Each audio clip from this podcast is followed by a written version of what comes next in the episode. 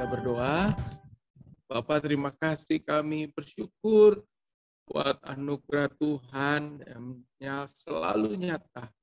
Kami bersyukur untuk kehidupan yang Tuhan berikan, hari yang baru Tuhan sediakan bagi kami. Bahkan hari ini kami bersyukur karena hadirat Tuhan uh, ada bagi kami dalam persekutuan pagi hari ini untuk menyatakan pujian, bahkan kemuliaan layak untuk kami persembahkan kepada Tuhan. Terima kasih Bapak, kami buka hati kami sekarang bagi firman-Mu.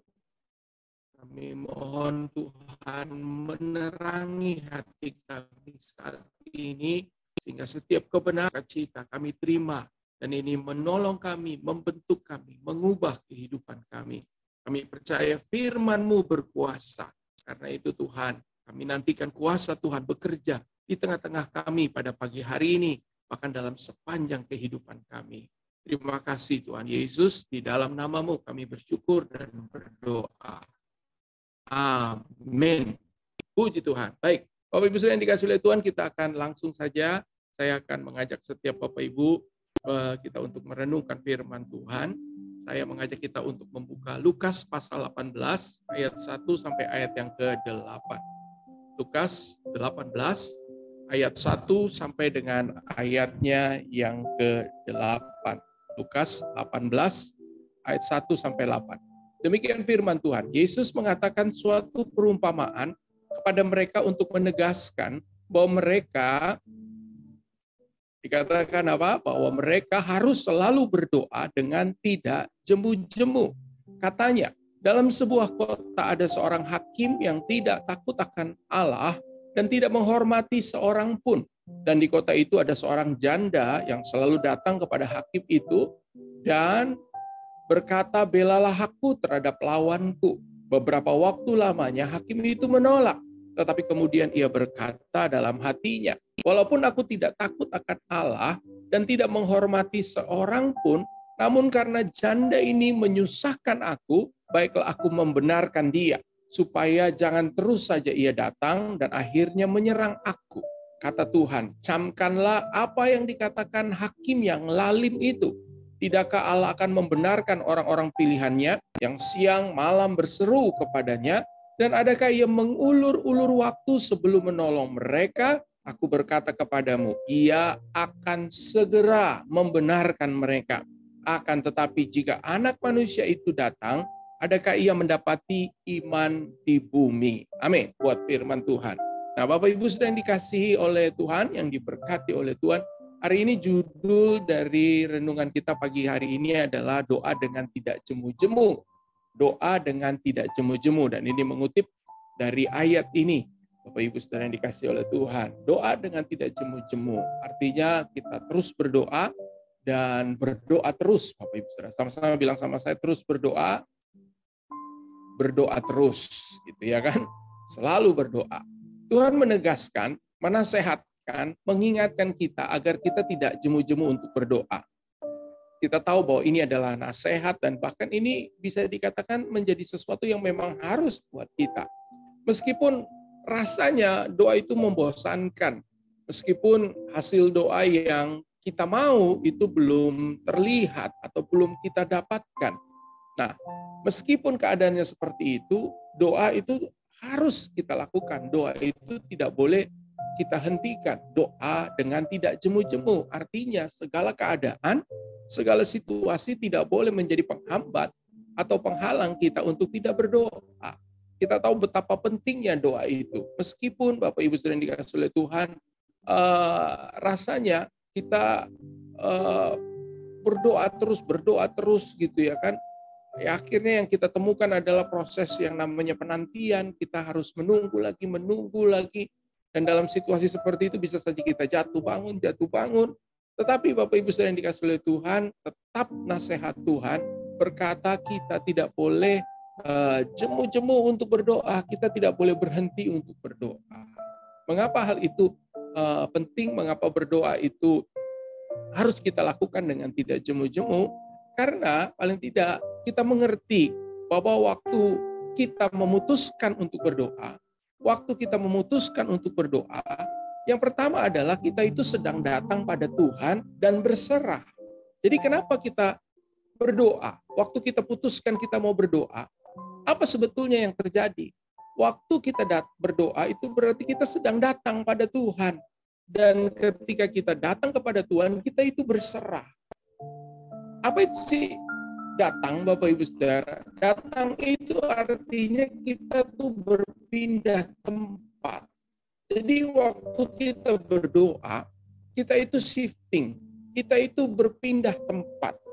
Ya, Tuhan Yesus berkata, kalau kamu minta di pinggir jalan supaya didengar oleh banyak orang, Tuhan Yesus bilang apa? Masuk ke dalam masuk ke dalam kamarmu, berdoa di sana dan Tuhan melihat, mendengar apa yang tidak dilihat, apa yang tidak kedengar, apa yang tidak kedengaran, apa yang tidak dilihat orang. Berarti doa itu adalah sebuah perpindahan tempat. Karena itu Bapak Ibu Saudara, Tuhan menginginkan kita berdoa. Tuhan menasihatkan itu untuk tidak berhenti berdoa. Kenapa? Karena dengan berdoa kita selalu berpindah tempat. Atau arti eh, lain kata bahwa kita tuh menerima undangan untuk datang kepada Tuhan. Bapak Ibu Saudara yang dikasih oleh Tuhan, saya percaya tidak ada yang lebih hebat, tidak ada yang lebih dahsyat dibanding kita memang diperkenan untuk bisa datang kepada Tuhan. Hari ini kita mau ketemu Jokowi susah aja setengah mati presiden, kita mau ketemu orang-orang tertentu susah, tapi Tuhan itu selalu terbuka dan kita bisa datang kepada Tuhan setiap saat, setiap waktu. Makanya kita berdoa dan dengan berdoa kita itu berpindah tempat. Kita tadinya ada di tempat yang mungkin sibuk, kita tadinya ada di tempat yang membuat kita takut dan khawatir. Dan sekarang kita datang ke tempat kudusnya Tuhan. Pemasmur berkata bahwa hadirat Tuhan itu seperti secret place, tempat rahasia, tempat kita ketemu dengan Tuhan. Itu yang terjadi ketika kita berdoa. Kita sedang berpindah tempat dari tempat di mana kita takut, khawatir, dari tempat di mana kita hidup dalam dosa, dari tempat di mana kita uh, ada tetapi dalam raga kita, tetapi berdoa itu kita datang ke tempat yang berbeda, yaitu bersama dengan Tuhan. Dan bukan cuma datang, tetapi kita juga berserah, Bapak Ibu Saudara. Adalah sesuatu yang aneh atau sesuatu yang tidak tepat kalau kita berdoa itu kita tidak berserah. Karena orang yang berdoa itu berarti dia berserah Bapak Ibu Saudara. Kalau berdoa hanya sebuah aktivitas, doa hanya sebuah kegiatan agama, doa hanyalah sebuah regul apa namanya kebiasaan, saya yakin itu sesuatu yang baik. Tetapi kita harus mengerti prinsipnya bahwa berdoa itu berarti kita berserah. Hanya kalau kita bicara berserah, ada banyak orang mungkin belum belum bisa memahami apa itu artinya berserah. Berserah itu artinya kita berhenti melakukan kesalahan yang sama dengan sengaja dan percaya pada segala kebaikan Tuhan. Jadi orang yang berserah adalah orang yang berhenti melakukan kesalahan yang sama dengan sengaja. Ya, sekali lagi saya katakan, kalau mungkin kita sekarang masih belum paham apa itu arti berserah, saya punya definisi yang silahkan diuji. Berserah itu berarti saya berhenti melakukan kesalahan yang sama yang saya lakukan dengan sengaja terus-menerus. Jadi orang berserah adalah orang yang tidak mau lagi melakukan kesalahan yang sama. Orang yang mau berhenti terhadap dosa dan dia percaya pada segala kebaikan Tuhan. Jadi kalau kita berdoa, kita memutuskan diri kita untuk berhenti melakukan kesalahan yang sama. Seperti apa? Khawatir, takut, egois, lalu kemudian mengandalkan kekuatan diri kita sendiri, berbuat dosa, kita berhenti. Karena tidak mungkin kita datang kepada Tuhan dalam doa dengan kemunafikan. Kita mengerti betul. Di hadapan orang, kita mungkin bisa munafik. Di hadapan orang mungkin kita bisa tidak tulus. Tetapi kita tahu bahwa Tuhan itu mengetahui kita dan dia melihat hati kita karena itu ketika kita datang kepada Tuhan, kita sedang berhenti melakukan kesalahan dan kita percaya pada segala kebaikan Tuhan. Jadi buat apa kita berdoa kalau kita tidak percaya bahwa Tuhan itu baik? Sama-sama bilang sama saya, Tuhan itu baik. Amin. Kalau Bapak Ibu Saudara hari ini sedang ada dalam pergumulan, Bapak Ibu Saudara kita harus percaya bahwa Tuhan itu baik.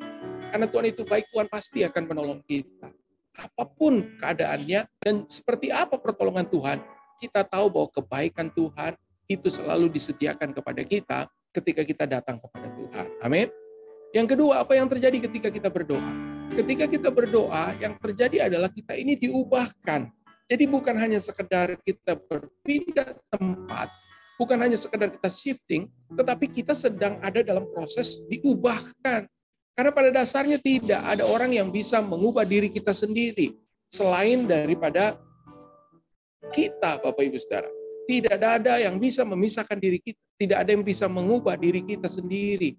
Orang lain tidak bisa. Bahkan hari ini saya mau berkata dalam kedewasaan untuk diuji, bahkan Tuhan sendiri tidak bisa mengubah kita, Bapak Ibu Saudara.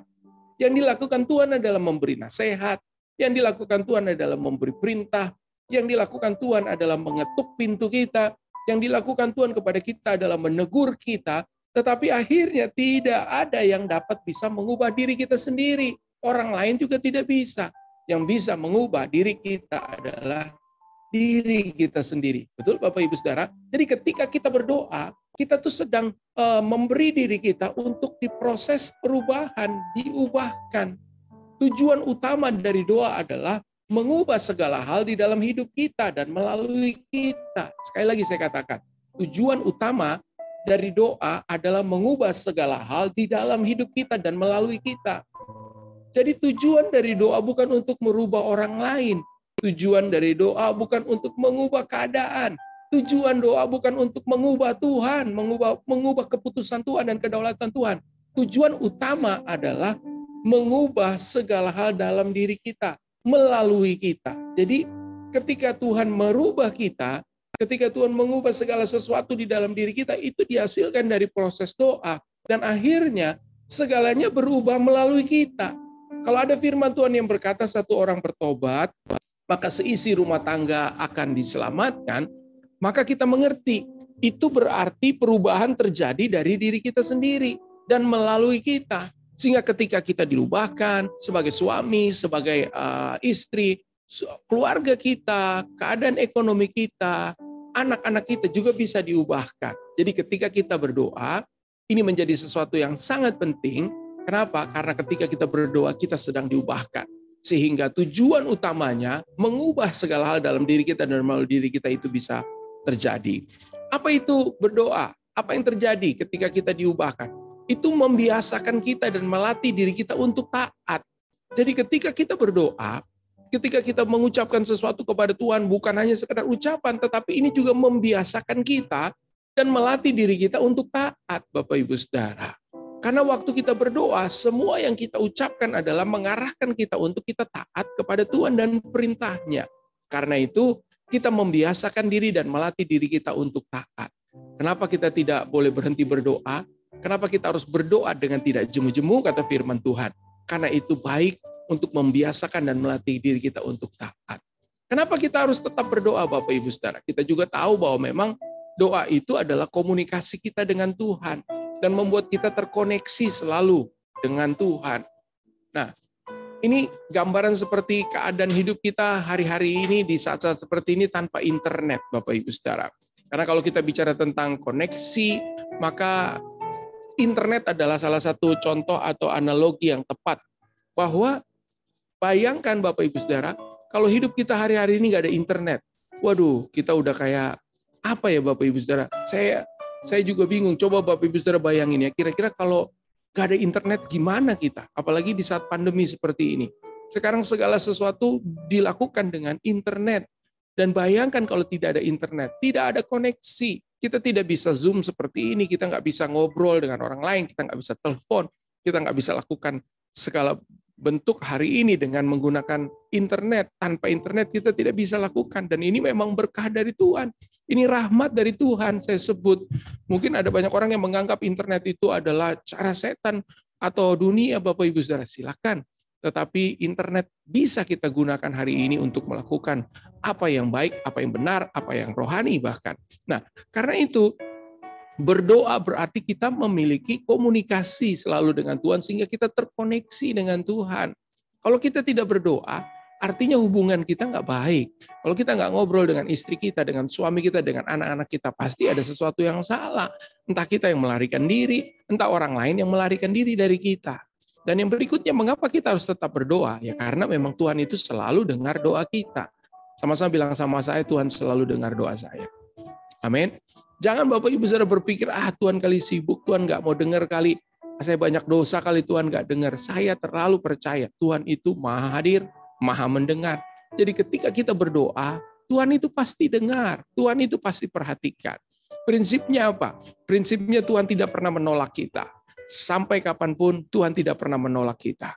Ketika kita datang kepada Tuhan di dalam doa, datang dengan berserah, Tuhan tidak pernah menolak kita. Saya percaya. Kenapa? Karena Tuhan Yesus sendiri yang mengundang, datang kepadaku. Artinya apa? Tuhan selalu membuka pintu. Ia adalah jalan, ia adalah kebenaran, dan ia adalah kehidupan. Dan Tuhan tidak pernah menolak kita, ini prinsipnya. Jadi ketika kita mulai doa, yang dilihat Tuhan bukan hanya sekedar sikap doa kita, bukan hanya sekedar kata-kata kita, tetapi yang dia lihat adalah hati kita yang memang mau datang kepada Tuhan. Dan Tuhan tidak pernah menolak kita. Meskipun kita cuma punya waktu lima menit, lima menit untuk berdoa, Tuhan tidak pernah menolak lima menit yang kita berikan kepada Tuhan. Amin. Bahkan Tuhan itu menanti kita. Tuhan itu menunggu kita. Setiap pagi Tuhan itu lihat kita bangun tidur, ini orang datang doa enggak ya, dia lihat Tuhan itu nunggu. Dan kalau Tuhan kalau kita berdoa, saya yakin Tuhan itu bersuka cita. Amin. Tuhan itu senang karena itu merupakan sesuatu yang lebih berharga dari sekedar memberkati kita, membuat kita sukses, membuat kita dekat dengan Tuhan dan Tuhan ada di sama-sama dengan kita. Itulah yang menjadi kehendak bersama baik kita maupun Tuhan. Tuhan selalu punya waktu untuk menyambut kita. Kita mungkin berpikir, waduh saya cuma punya waktu jam-jam tertentu. Setiap saat ketika kita berdoa, Tuhan selalu punya waktu untuk menyambut kita. Tuhan mendengar dan Tuhan melihat. Ya, Tuhan mendengar dan Tuhan melihat. Jadi Tuhan juga punya telinga, dalam tanda kutip Tuhan juga punya mata untuk bisa melihat. Jadi dia mendengar apa yang kita katakan dan dia melihat apa yang kita perbuat. Pertanyaannya adalah Mengapa Tuhan menghendaki kita untuk tetap berdoa? Mengapa kita tidak boleh berhenti berdoa? Mengapa kita tidak boleh jemu-jemu berdoa? Karena berdoa itu artinya, saya lihat di sini ada empat. Ada empat arti doa yang penting untuk kita ketahui dan IR ini menjadi catatan buat setiap kita. Yang pertama, doa itu berarti trust, T-R-U-S-T. Bahasa Inggris yang artinya mempercayakan. Jadi berdoa bukan hanya sekedar believe, percaya, tetapi doa itu mempercayakan. Ya, doa adalah ekspresi sikap trust kita kepada Tuhan. Jadi kalau kita berdoa itu artinya kita trust sama Tuhan. Kita mempercayakan kehidupan kita, segala yang kita minta, yang per kita gumuli, masa depan kita itu kepada Tuhan. Jadi ada ada kuasa yang luar biasa ketika kita berdoa adalah bukan hanya sekedar kita percaya, tetapi kita mempercayakan segala sesuatunya kepada Tuhan. Doa itu akan menunjukkan posisi dan postur kita. Doa akan menunjukkan posisi dan postur kita. Apa artinya? Artinya gini, artinya kalau kita berdoa, kita sekarang ada di pihak Tuhan. Tuhan ada di pihak kita. Dan kita tahu firman Tuhan kalau Allah ada di pihak kita, siapa lawan kita? Jadi posisi kita jelas. Ketika Tuhan bertanya sama Adam, Adam, di manakah engkau ketika Adam makan buah pengetahuan yang baik dan yang jahat? Tuhan kan tahu Adam ada di mana. Kenapa Tuhan tanya, Adam di manakah engkau? Tuhan bukannya Allah yang tidak maha tahu, dia maha tahu, dia tahu Adam ada di mana. Tetapi ketika dia tanya, di manakah Adam?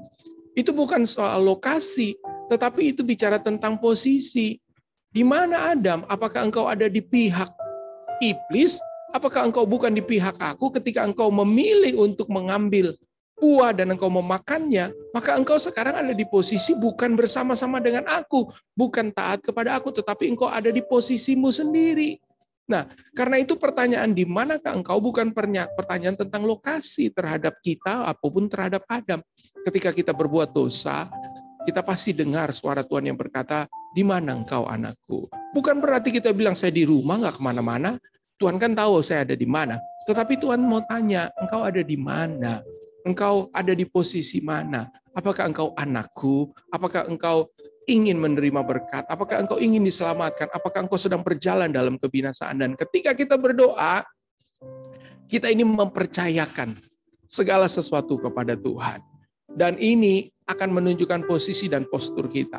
Apa itu postur? Ya betul kalau orang berdoa itu ada posturnya kan, lipat tangan, berlutut dan menyembah. Tetapi ini hanya sebuah uh, gambaran saja bahwa ketika kita mempercayakan kehidupan kepada kepada Tuhan, pasti posturnya berbeda atau yang terlihat dalam kehidupan kita itu berbeda. Kalau kita percaya kepada Tuhan, pasti kita bersyukur, kita tidak bersungut-sungut, kita percaya, kita bersuka cita. Itu posturnya. Jadi posisinya berubah, posturnya juga berbeda. Ya, Doa punya arti bukan hanya sekedar mengucapkan kata-kata, bukan hanya sekedar berbicara, tetapi doa itu trust, mempercayakan. Yang kedua, apa artinya berdoa? Yang kedua arti berdoa adalah guard, menjaga, Bapak Ibu Saudara. Ya, doa itu berarti menjaga. Doa itu akan memberikan pengaruh yang signifikan kepada pendoa, bukan kepada Tuhan. Sekali lagi saya katakan, waktu kita berdoa, maka doa itu akan memberikan pengaruh yang sangat signifikan kepada pendoa itu sendiri, bukan kepada Tuhan, Bapak Ibu Saudara. Tuhan itu tidak pernah berubah. Tuhan itu selalu sama. Ia mengasihi kita, janjinya buat kepada setiap orang, kuasanya selalu dicurahkan kepada kita setiap saat. Tetapi doa membuat pengaruh yang luar biasa kepada pendoa atau kepada kita yang berdoa. Apa artinya guard? Guard itu artinya bagian kita. Apa itu artinya? Apa perbedaan guard dengan protect? Apa artinya menjaga dan melindungi gitu ya? Karena dalam bahasa Inggris ada guard, ada protect. Guard itu adalah bagian kita. Protect itu adalah bagian Tuhan. Jadi untuk menjaga itu bagian kita Bapak Ibu Saudara. Firman Tuhan mengingatkan kepada kita berjaga-jagalah dan melindungi kita adalah Tuhan. Jadi ketika kita berdoa kita menjaga diri kita Bapak Ibu Saudara. Kita membangun sistem keamanan buat diri kita sendiri. Kita membuat tembok buat diri kita sendiri. Doa itu membuat kita membuat perlindungan buat diri kita sendiri. Nah, urusan untuk melindungi kita adalah Tuhan. Kita hanya membangun tembok, kita hanya membangun benteng, dan Tuhan adalah kota benteng kita. Jadi ini merupakan uh, gabungan yang hebat. Doa membuat kita berjaga-jaga, membuat kita berjaga, tetapi doa membuat kita juga terlindungi karena Tuhan yang melindungi kita. Amin Bapak Ibu Saudara. Ya, kita kalau bangun pagi kadang-kadang mungkin kita lupa berdoa Bapak Ibu Saudara. Tuhan jaga kita juga setiap hari, betul? Kita nyebrang, nggak ketabrak, nggak keseleo. Ya, kita aman. Padahal kita nggak berdoa. Itulah Tuhan. Tuhan melindungi kita dari hal-hal yang tidak bisa kita lindungi.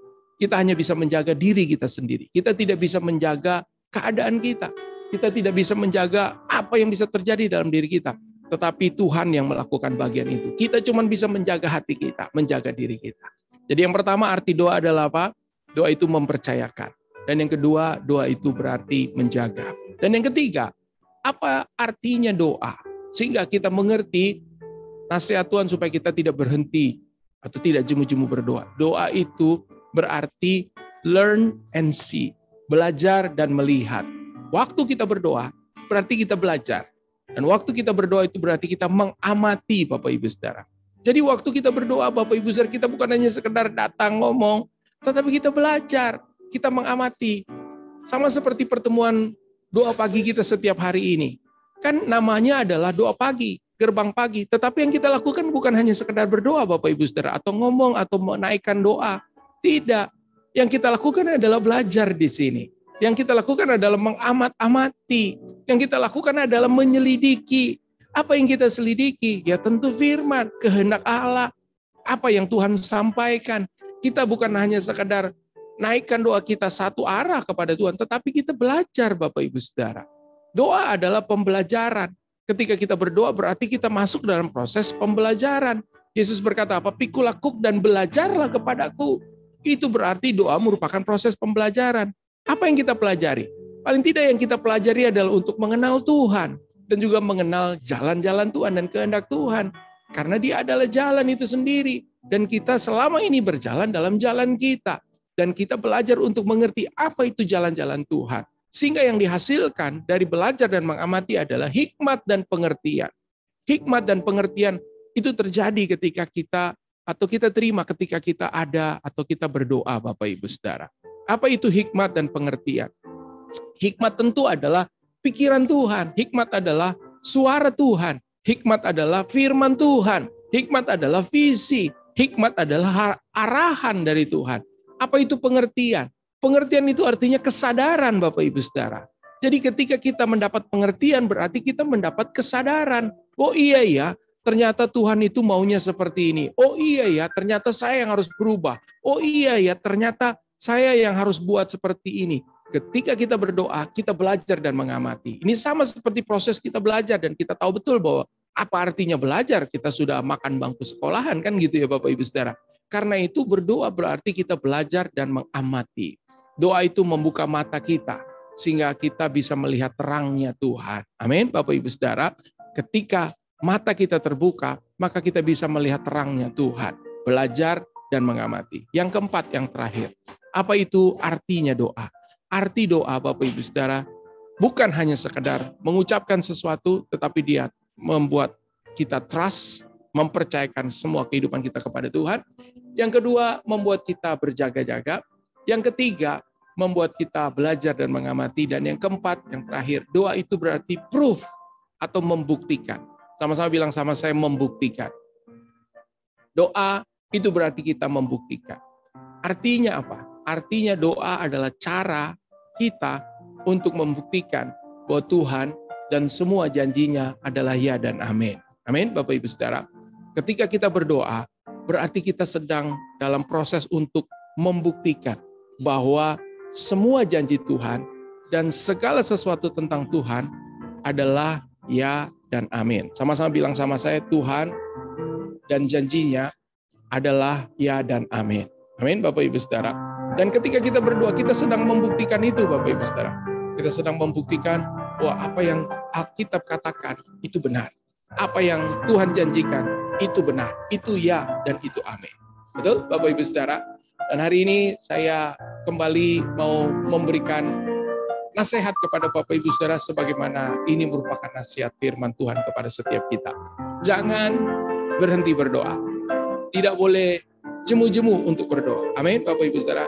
Kalau kita nggak tahu lagi bagaimana cara berdoa, jawabannya berdoa saja. Ya kan? Kalau kita bosan untuk berdoa, berdoa saja jawabannya. Kalau kita takut untuk berdoa, berdoa saja Bapak Ibu Saudara. Jadi jangan berhenti berdoa. Meskipun kita lagi berbuat dosa, berdoa saja Bapak Ibu Saudara. Ya, kenapa? Karena kita tahu doa itu bukan hanya sekedar aktivitas, bukan hanya sekedar kegiatan agama, tetapi doa ini bicara tentang pintu jalan kepada Tuhan yang kita bangun bersama. Amin, Bapak Ibu Saudara. Tuhan berkati sepanjang hari ini Tuhan menyertai Bapak Ibu Saudara sekalian. Doa saya kalau ada di antara Bapak Ibu Saudara yang sedang bergumul, sedang lemah, sedang menghadapi kesulitan, Bapak Ibu Saudara kuat, Bapak Ibu Saudara dapat bertahan, Bapak Ibu Saudara benar-benar terjaga dan terlindungi dan kita percaya bahwa Tuhan akan segera menjawab doa kita. Amin Bapak Ibu Saudara. Sama-sama bilang sama saya segera. Firman Tuhan tadi bilang apa? Dalam cerita ini dikatakan apa? Tuhan akan segera membenarkan mereka. Jadi saya percaya jawaban doa itu segera. Amin Bapak Ibu Saudara. Tidak ada jawaban doa yang dilama-lamain sama Tuhan. Selesai berdoa, Tuhan langsung jawab. Kalau Bapak Ibu Saudara berpikir, saya dapatnya lima tahun kemudian. Jangan salah Bapak Ibu Saudara. Jawaban doa itu bukan lima tahun kemudian.